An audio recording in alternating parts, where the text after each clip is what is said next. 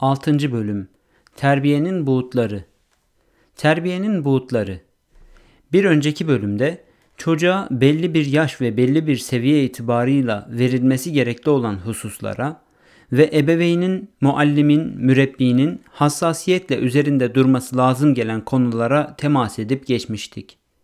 Bir kere daha hatırlatmalıyım ki terbiye konusunda hassas davranmayan, yaş, baş, düşünce ufku, muhit, ilmi seviye deyip hayatın her merhalesinde çocuğunu en iyi şekilde besleyip açlığını gideremeyenler, ileri dönemlerde bir açkurtla karşılaşırlarsa şaşırmamalıdırlar. 1. Salih amel salih kimselerle tanıtılmalıdır. Salih ameli sülehayla, salih insanlarla tanıtma, ebeveynden ziyade muallimi ve mürebbiyi ilgilendiren bir husustur salih ameli salihlerle tanıtma konusunda nasıl hareket etmemiz gerekir konusuyla ilgili duygu ve düşüncelerimizi şöyle açıklayabiliriz. Evet, çocuklar, gençler salih ameli öğrenmelidirler. Ancak sadece öğrenme nazari bir bilgiden ibaret kalacağı için bu nazari bilgilerin sülehayla tanıtılması ve güzel işlerin onların kahramanlarıyla hatırlatılması çok önemlidir. Daha küçük yaştayken o çocukların zihinlerine namazıyla niyazıyla büyük bildiğimiz insanlar girmelidir ki çocuk yürüdüğü yolun daha önce de bazı mühim zatların yürümüş olduğu bir şehrah olduğunu bilsin ve o yolda olmanın bütün ezvakını duyabilsin. Belli bir yaşa geldiği zaman günde şu kadar namaz kılan ya da senenin pek çok günlerinde soğuk sıcak demeden oruç tutan bir insanın zahirine bakarak karar verecek olursak Allah indinde eftal bir insan olduğuna inansın ve onun gibi olmaya imrensin. Netice itibarıyla din ve diyaneti adına yaptığı her şeyi onun ruh ve manasına bağlayarak yapacak ve muhalif rüzgarlar karşısında sarsılmayacaktır. Allah Resulü sallallahu aleyhi ve sellem şu devirde münafıklar yaptıkları şeyleri sizden gizlemek için nasıl utanıyor, hicap ediyor, durumlarını sizden gizliyorlarsa bir gün gelecek müminler de inançlarını ve amellerini saklayacaklardır buyurur. İşte bazı dönemlere mahsus bu hastalığı genç nesillere daha çocukluk döneminde aşma yolları gösterilmeli ve sonraki günlerde teklemelerine meydan verilmemelidir. Dahası onlara dinin bir izzet vesilesi olduğu telkin edilmeli ve Allah'ın emirlerine canı gönülden sarılma ruh haletiyle yetiştirilmeleri sağlanmalıdır.'' Burada yaşanmış bir örnek arz etmek istiyorum. Çocuğunun eğitimini sağlam bir şekilde planlayıp onu hep yakın takibi alan bir ailenin kız çocuğu bir gün geliyor, bu küçük mürşide kendi muallimesine tesir ediyor. Gerçi sevdiği muallimesi insanlığa ait bütün nezaketini korumakla beraber dinsizlik her gün onu biraz daha yıpratmakta ve manen tüketmektedir. Çocuk ruhunda derinleştirdiği din hakikatinin tesiriyle bir gün arka sıralardan birinde birdenbire hıçkıra hıçkıra ağlamaya başlar. Derken o şefkatli muallime yanına gelir ve ona ''Yavrum niçin ağlıyorsun?'' der. O da ''Hocam sana ağlıyorum'' şeklinde cevap verir ve devam eder. ''İnanmadığın için Allah'ın seni cezalandıracağına üzülüyorum.'' diye mırıldanır. Nutku tutulan kadın hiçbir şey söyleyemeden geriye çekilir ve birkaç gün sonra da çehresinde inanmış olmanın bütün güzellikleri talebe mürşidesinin yanına gelir ve sevinçlerini paylaşırlar. Bu çocuğa imanla beraber izzet de telkin edilmiştir. Ma mafi, izzet Allah'a ait bir hususiyettir. Ama Allah'ın dini prensipleri yaşayanları aziz, onları terk edenleri de zelil kılacağı yine dini bir gerçektir. Evet, çocuk duygusundan, düşüncesinden ve yürüdüğü yoldan emin olmalıdır ki daha sonraları aşağılık duygusuna kapılmasın ve inkar cereyanları karşısında ezilmesin. Dahası o namaz kılmayı, oruç tutmayı bir büyüklük olarak algılamalı ve namaz kılması icap ettiği yerde tereddüt etmeden tekbir alarak sadece o yüce Allah'a karşı eğildiğini ortaya koymalıdır. Kur'an-ı Kerim yapacağımız ve yapmayacağımız konularla alakalı bir taraftan günde en az 40 defa Rabbimiz ancak sana kulluk eder ve yalnız senden medet ve yardım umarız. Bize doğru yolu göster.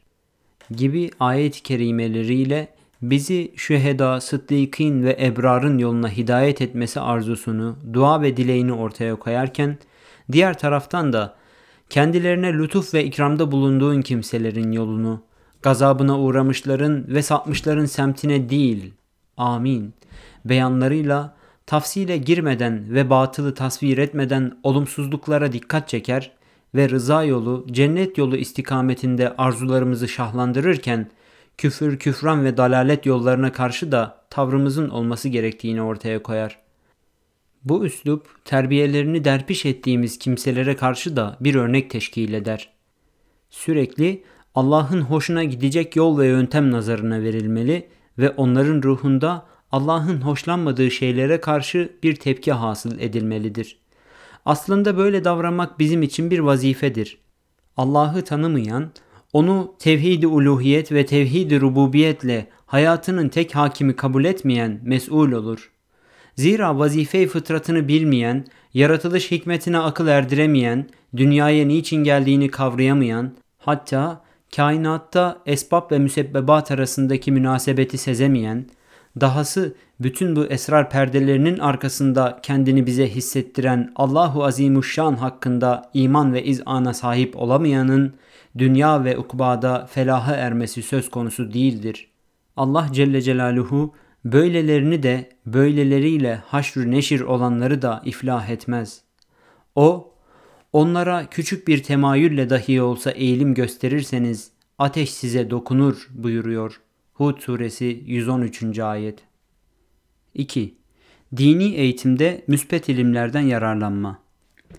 Çocuklar fizik, kimya, astronomi, atom fiziği ve benzeri pozitif ilimleri tahsil ederken onların bu seviyedeki kültürlerine paralel olacak şekilde akide-i hakkayı İslamiye'nin anlatılmasında zaruret vardır.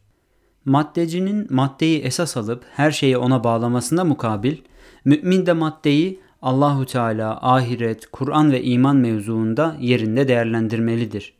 Evet, bütün tarihi maddecilerin boğulduğu madde bataklığında müminler gül bitirmesini bilmeli ve bütün eşya ve hadiseleri Allah'ın varlığının şahitleri olarak görüp değerlendirmelidirler. Çocuk her gün fünun-u müsbete adına ilk öğretimden liseye, oradan üniversiteye aldığı öğretime mukabil evde ve aile muhitinde o ölçüde dini eğitim almıyorsa onun kayması, inhiraf etmesi muhakkak ve mukadderdir.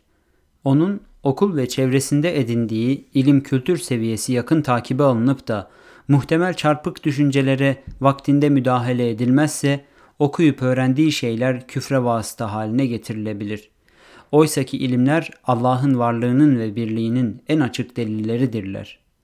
Evet, çocuk felsefe tahsil etmesine ve muhtemel bir kısım şüphe ve tereddütlere sürüklenmesine mukabil, akıl, mantık ve ilimlerin olumlu değerlendirmeleriyle desteklenmezse daha sonraları ciddi bunalımlara girebilir. Binaenaleyh onun akliyata dair bilgiler ölçüsünde yine akli, mantıki ve bedihi delillerle takviye edilmesi zaruridir. Maddecilerin varlıktaki nizamı tabiata vermelerine ve bu mevzuda bir kısım felsefi nazariyelerle demagoji yapmalarına mukabil biz de yaratılışındaki bedahet ve kainattaki nizamın diliyle her şeyde müşahede edilen kanunların hükümferma olması gibi hususları anlatarak bunların hepsinin Allah'ın idaresinde olduğu gerçeğini onun zihnine nakşetmeliyiz. Ancak bu sayede değişik nazariyelerin onda hasıl edebileceği şüphe ve tereddütleri önleyebiliriz. Evet, akla hayale gelmedik, tahrif ve çarpıtmalarla onun kafasına yüklenen sakin malumata mukabil, onun kafasını sahih malumatla donatmalıyız ki o herhangi bir şaşkınlık yaşamasın. Mahiyet itibarıyla her şey ilme bağlıdır. Cehalet dinin de dindarın da en büyük düşmanıdır. Öyleyse cahillerin akla hayale gelmedik hilelerle nesli ifsad etmelerine karşılık müminler de vatanına, milletine, köküne bağlı kimseler ve dinine, diyanetine, ilimlere, fenlere açık ve kendi tarih ve coğrafyasına sahip çıkan nesiller yetiştirmek mecburiyetindedirler. 3. İyi bir çevre hazırlama Şimdi de çocuğa iyi bir çevre hazırlama konusu üzerinde durmayı düşünüyoruz. Modern dünyada çocuklar için mekteplerin yakınında veya başka müsait yerlerde çocuk bahçeleri, kreşler ve benzeri sosyal tesislere çok önem verilir. Onun maddi hayatı ve fiziki dünyasının sıhhatli, sağlam, huzur içinde bir ortamda geçmesi, aileyi meşgul etmemesi, donanımlı ve açık yetişmesi için çok önemlidir. Bunlar düşünülüp taşınılmış ve her türlü faydası ve zararı önceden hesap edilerek yapılmıştır. Ne var ki çocuğun böyle maddi bir ortam gibi manevi hayatını yaşayabileceği, geliştirebileceği, insanlığını duyabileceği, hatta Rabbisiyle gönül münasebetleri kurabileceği bir manevi ortama da ihtiyaç vardır. Çocuk çevresi derken bu husus da düşünülmelidir. Şimdi burada işte bu hususlarla alakalı yapılması gerekenleri arz etmeye çalışacağız. A. Arkadaş seçme Çocuğa emsali arasında din ve diyanete saygılı arkadaşlar edinmesini sağlamada çok önemlidir. Sağlamakla kalmamalı, ebeveyn bu işin takipçisi olmalıdır. Onun vatanına, milletine, dini milli değerlerine saygılı yetişmesi için baskıcı bir mülahazayla değil, yönlendirici bir tavırla çocuk hep gözlemlenmeli ve o en kıymetli varlığımız olarak herkese emanet edilmemelidir. Kaldı ki insan tanımadığı kimseye çorabını bile emanet etmez. Faraza tanımadığınız biri gelip size diyor ki, arkadaş cüzdanını çaldırabilirsin, memleketimizde çok şakî var, ver o cüzdanını veya çantanı muhafaza edeyim. İtimat eder misiniz? Hayır. Tanımadığınız bir adama ne cüzdanınızı ne de çantanızı emanet edersiniz. Öyleyse nasıl oluyor da çarşıda pazarda tanımadığınız bilmediğiniz kimselere çocuğunuzu emanet ediyor veya takipçiliğini onlara bırakıyorsunuz. Bence böyle bir çelişkiye düşülmemelidir.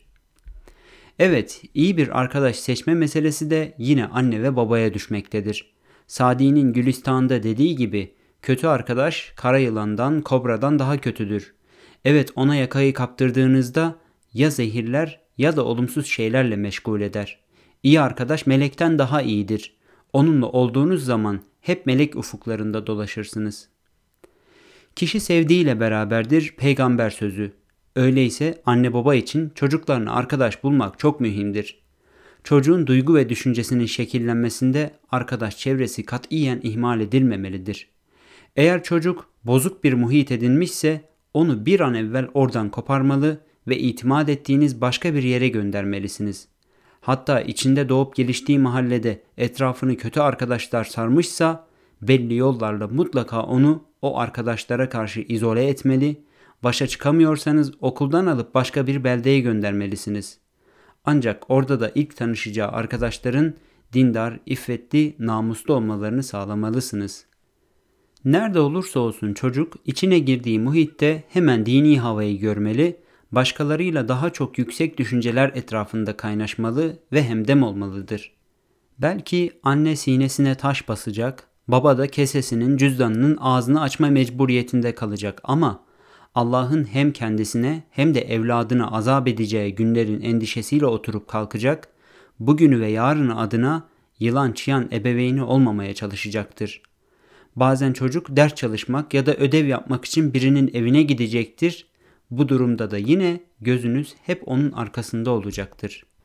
Evet, çocuk arkadaşlarının evine gitmeli ama o evlerin taşı, toprağı, duvarı Allah demeli, millet demeli.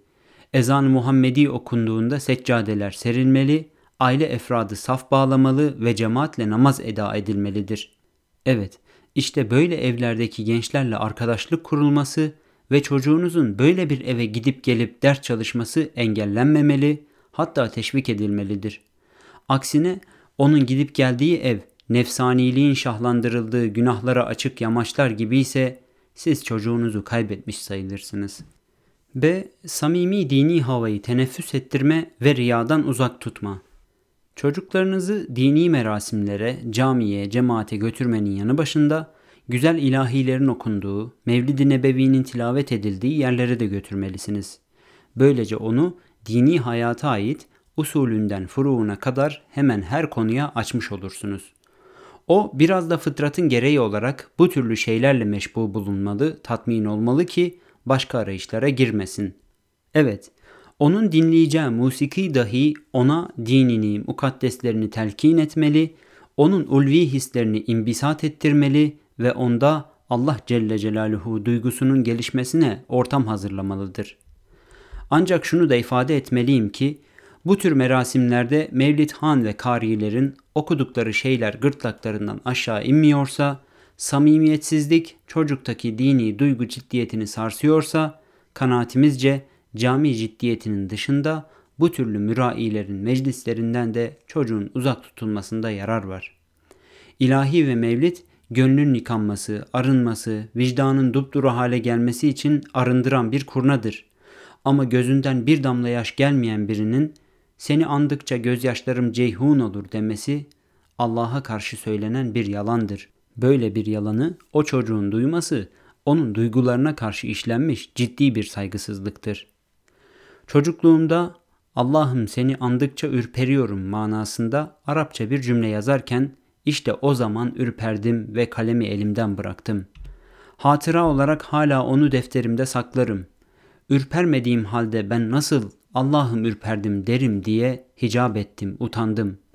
Evet, söylediği sözler gırtlağından aşağı inmeyen ve gözünden yaş gelmeyen ama ellerini açıp gözyaşlarımızla huzuruna geldik diyen bir mürainin o çocuk tarafından görülmesi dahi çocukta değişik istifhamlara yol açabilir. Dikkat ederseniz mevlid ve ilahiyi bir taraftan dini merasim olarak ele alıp çocuğun ruhi hayatıyla neşvü nema bulması hususunda mühim bir unsur kabul ederken diğer taraftan da onu yalana, riyaya, gösterişe alıştırabilecek münasebetsizliklerden uzak tutulmasını da aklın, mantığın, firaseti diniyenin muktezası sayıyoruz. Zira çocuk küfürden uzak tutulduğu kadar riyaya karşı da antipati duymalı, dini samimiyette aramalı ve ona inanmadığı halde bağırıp çağıranı değil de gönlünün heyecanlarını terennüm edeni, gönlünün namelerini besteleyip size sunan insanları dinletmelisiniz. Bu bizim dini anlayışımızın gereğidir ki sahabinin hayatında da aynı hususları görürüz. Zaten bu tavır Resul-i Ekrem sallallahu aleyhi ve sellemin tarzı telakkisidir. Sahabenin de başka türlü olması düşünülemez. Bu prensibi kabul ettiğiniz zaman dinin de esas kabul ettiği bir hususu kabul etmiş olur. Aksine kendi yanlış anlayışımız içinde kaldığımız zaman da evlat ve ahfadımızın dalaletine zemin hazırlamış sayılırız. Hatta bu mevzuda aşırı bulmayınız, çocuklarınızı riyakarların meclislerine götürmekten ve mürai bir ilahiciyi dinletmektense dinin ciddi bir iş olduğunu, azamet ve vakarının bulunduğunu anlatabilme açısından bu ciddi ve vakur dini havayı ifade edebilen herhangi bir düşünürle tanıştırılmasını tavsiye ederim. Dikkat edilirse meseleyi keyfiyet bozukluğu içinde ele alanların tenkidi yapılmaktadır. İlahi dinleyip dinlememe değil.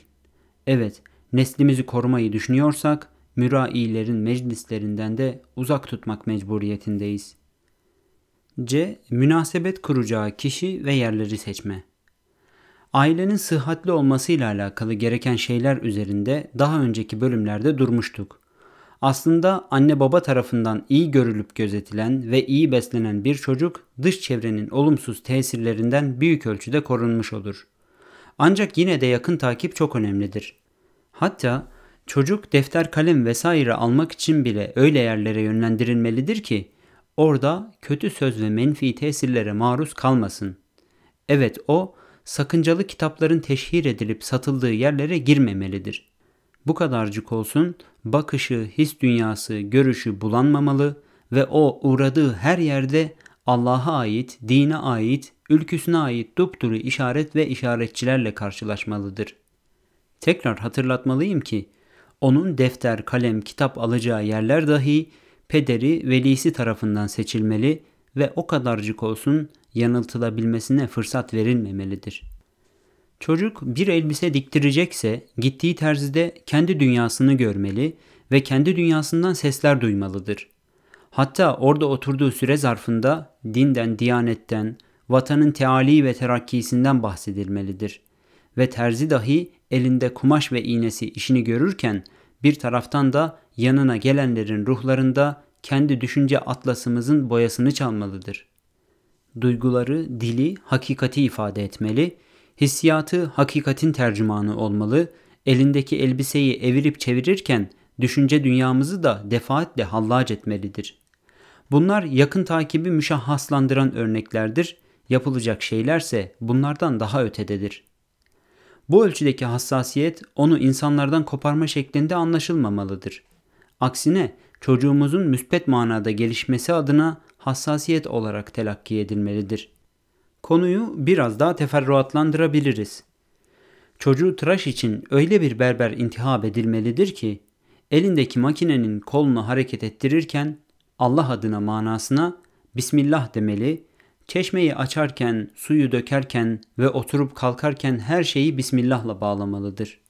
Böyle bir berberiniz yoksa hayat adına tamam sayılmadığınız için zamanla bu eksiklik çocukta farklı şekilde kendini hissettirecektir. Bu münasebetle ehemmiyetli bir noktaya dikkatinizi istirham edeceğim. Bir velimeye gitmek dini bir vazife ve bir sorumluluktur. Kainatın efendisi sallallahu aleyhi ve sellem buyururlar ki, sizi bir düğüne, bir nişan merasimine davet ettikleri zaman icabet ediniz. Aleyhissalatu vesselamın bu emrine muhalefet edilemeyeceği açıktır. Böyle bir emir karşısında her mümin boynum kıldan incedir der ve inkiyat eder. Ama dinin bir diğer prensibi olarak içinde lehviyat, masiyat, malayani şeylerin hatta cürmün ve günahların irtikab edildiği bir düğüne gitmeme de dini bir tavırdır. Çocuğun gördüğü şeylerle bozulacağı, kafasına girip düşüncelerini bulandıracağı durumlar söz konusuysa elbette ki onun böyle bir düğüne gitmesine kimse cevaz veremez. D. Çocuğun izleyeceği televizyon programlarını seçme. Evinde televizyon bulunduran mümin, çocuklarına seyrettireceği programları hassasiyetle intihab etmelidir. Televizyonun cürmü ve günahı olduğunu söylemiyoruz. Bu sözlerimiz televizyon aleyhtarlığı şeklinde de algılanmamalıdır. Ne var ki televizyon kanalları ve programları arasında seçim yapmak da terbiye açısından bir zarurettir. Kaldı ki günümüzde Türkiye Cumhuriyeti hükümetleri de konuya bu şekilde yaklaşmış ve bilhassa çocuklarla alakalı değişik önlemler almışlardır. Evet onlar da bir kısım programların hatta yayın politikalarının ve bazı filmlerin gençlerin ahlakını ifsad ettiğini düşünerek müeyyideler getirmişlerdir. Gerçekten de bazı yayınlar gençliğin ahlaki ve itikadi düşüncesini sarsmakta ve onların ruh dünyasını karartmakta, fıskı fücuru da tervic etmektedir. Binaenaleyh bir televizyon kanalı ahlakınıza karşı savaş ilan ettiği halde evinizde hala izlenebiliyorsa başta çocuklar olmak üzere o hanedekilerin ahlaklarının tefessüh etmesi, içten içe çürümesi kaçınılmaz olmuş demektir. Bu sözlerimiz katiyen ilmin, gelişmişliğin, tekniğin, fennin karşısında olduğumuz manasına hamledilmemelidir. Biz tekniğin insanlığın saadetine ve huzuruna matuf kullanılması ve geliştirilmesinden yanayız. Allah'ın bu nimetlerinden fikir, kültür, sanayi, sıhhat, tıp gibi hususlar adına mutlaka istifade etmeliyiz. Böyle bir yaklaşım gericilik değildir. Gericilik bazı televizyon kanallarının onca şenaet, denaet ve gayri ahlakiliğine karşı her şeyi sineye çekip nesillerin tefessüh etmesine sessiz kalmaktır. E. Kur'ani terbiye ile yetiştirme. Hemen her ortama çarçabuk intibak eden çocuğun kalbi, kafası, kulağı, gözü ve sair duygularının günaha alışmasına meydan vermeme ve onun tertemiz bir muhitte neşet edip gelişmesini sağlama, yuvada görüp duyduğu, duyup doyduğu, dolduğu dini atmosferi dışta da verebilme ve dış çevrenin aile muhitine mutabık olmasını temin etme de yine ebeveynin, muallimin, mürebbinin vazifesidir. Aslında bütün güç ve kuvvetin baskı unsuru olarak kullanıldığı, hakkın ayaklar altında çiğnendiği bir devirde duygu ve düşünce istikametinin ve insan olma onurunun muhafaza edilmesi çok önemlidir. Binaenaleyh, neslin terbiyeyi Kur'aniye ile terbiye edilmesinin ve ahlakı Kur'aniye ile ahlaklandırılmasının, ahlaklandırılıp daima hakka taraftar hale getirilmesinin, en aşılmaz güçler, kuvvetler karşısında dahi sarsılmayacak bir kıvama ulaştırılmasının milletçe varlık ve bekamızın en önemli esasları olduğu kanaatindeyim. Zira hem duygu ve vicdan aleminde hem de realiteler dünyasında ideal toplum örneği sadece Kur'an sayesinde gerçekleşmiştir. Denebilir ki bin seneye aşkın bir zaman dilimini ışıklandıran ve emin ellerle temsil edildiği sürece hep göz kamaştıran o mükemmel İslam toplumu Kur'an'ın aydınlık ikliminde neşet etti. Bu toplumun ortaya çıkışı, tarihin akışını değiştirişi insanlık aleminin en hayretengiz hadisesi olmuştur. Bu mükemmel toplum ve onu meydana getiren fertler hiçbir düşünce, hiçbir felsefi cereyanla zihinlerini bulandırmamış, Kur'an'ın dupduru kaynağından beslene beslene böyle bir kıvama gelmişlerdi. Peygamber Efendimiz sallallahu aleyhi ve sellemin ahlakı, huyu Kur'an'dı. Ona iktida edenler de Kur'an'ı duyuyor, onu yaşıyor ve onunla yeşeriyorlardı. Kur'an'la irtibatlı göründükleri halde böyle bir mükemmeliyet sergileyemeyenler, onun ruhuna nüfuz edememiş sathi ruhlar ve sathi düşüncelerdir. Kur'an'ı anlamak ve onunla dirilmek, onun özünde derinleşmeye bağlıdır. Sadece onun ibare ve lafızlarıyla oynayanlar, Allah bilir sevap kazansalar da sevaba açık bir topluluk haline gelemezler. Kur'an'la münasebetlerimiz açısından asıl mesele kalp, şuur, irade, idrak ve hislerimizle ona yönelerek benliğimizin bütün buğutlarıyla onu duymaktır. İşte böyle bir yöneliş ve duyuş sayesinde Allah'ın bize seslendiğini hisseder, suya ve ziyaya ulaşmış rişeimler gibi birdenbire yeşeririz. Ayetlerin her kelimesinde, her cümlesinde farklı derinliklere erer, ruhumuzun atlasını temaşa ettiğimiz aynı anda göklerin haritasını müşahede etme ufkuna ulaşırız. Bana göre yeni bir nesil ancak buna denk bir atmosferde oluşturulabilir ve derken bir salih daire süreci başlar, Kur'an bütün esrarını sinelerimize boşaltır ve böyle bir zenginlikle ilimden imana, imandan marifete yükseldikçe ona muhatap olma seviyemizin farklılaşmasıyla daha bir iç derinliğe ulaşırız. Ulaşır ve Allahu Teala'nın sözlerindeki enginliği daha bir farklı kavrarız. Evet, aksiyon öncelikli ve pratik eksenli Kur'an talebeliği onun bize açılması için biricik yoldur. Aksine Kur'an'a karşı irtibat ve saygımız şekilde kalıp öze inmediği sürece de ona yakınlık içinde uzaklıklar yaşarız. İnsanlar Kur'an'ın ruhundan onu hayata hayat kılma zenginliğinden mahrum kaldıkları sürece gerçekten mahrum ve talihsiz sayılırlar. Kur'an'la münasebette işin esası bilginin ötesinde bütün insani sistematiğin harekete geçirilmesidir. Elde edilen bilgilerin birer muharrik güç haline getirilerek Kur'an'dan anlaşılan şeylerin şartlar, durum ve atmosfere göre realize edilmesi bir esastır. Bu yapılabildiği takdirde insan yaratılış gayesi çizgisinde yerini alacak ve zebil olup gitmekten kurtulacaktır. 4. Terbiyede hassasiyeti devam ettirme. Bir hakikati, bir düşünceyi ikame etmek, yerleştirmek başkadır, devam ettirmek daha başkadır. Binbir ihtimamla teessüs ettirilmiş nice mefkure ve ona bağlı müessese vardır ki, kuruluş ve işleyiş şartları itibarıyla herhangi bir kusur söz konusu olmasa da devam adına gerekli olan hassasiyet gösterilemediğinden iki adım ileriye gidilememiş, hatta bir kısım şerrül halefler yüzünden teessüsleriyle yıkılış sürecinin başlaması bir olmuştur. Evet, bir şeyi inşa etmek çok önemlidir. Ne var ki inşa edilen her neyse onun idamesi ve geliştirilmesi ondan daha önemlidir. İlk Müslümanlar daha sonra da bizim milletimiz bir toplumu ayakta tutabilecek dinamiklerin cemiyete mal olması, sonra da korunup kollanması mevzuunda fevkalade titiz davranmış, akli, mantıki, hissi hiçbir boşluğa meydan vermedikleri gibi bilip inandıklarını hayata geçirme konusunda da asla kusur etmemişlerdi. Elbette ki bununla ferdi kusurları kastetmiyorum. Maksadım sıhhatli toplum ve onun istikbal vaat etmesi için gerekli olan esaslardır.'' Daha sonraları ise bizim gibi bazı miras yediler ya da meselenin ruhunu bilmeyenler ve İslami konuları sadece bir yönüyle ele alanlar işi temelinden bozduk ve bize emanet edilen tarihi mirası geliştiremedik. Hatta bir manada kuruttuk. A. Şerrül halef olmama. Kur'an-ı Kerim'de kitapta Meryem'i de an, kitapta İbrahim'i de an, kitapta Musa'yı da an, kitapta İsmail'i de an, kitapta İdris'i de an şeklinde çeşitli nebilerin durumlarını bize peşi peşine sıralayan ayeti kerimeler bulunmaktadır. Kur'an-ı Kerim Meryem suresinde Bu seçkin insanların hususiyetleriyle beraber açtıkları çığırları da anlattıktan sonra şöyle buyurur. Nihayet onların peşinde öyle bir nesil geldi ki bunlar namazı zayi ettiler. Nefislerinin arzularına uydular. İşte bu yüzden de ileride sapkınlıklarının cezasını çekecekler. Meryem suresi 59. ayet.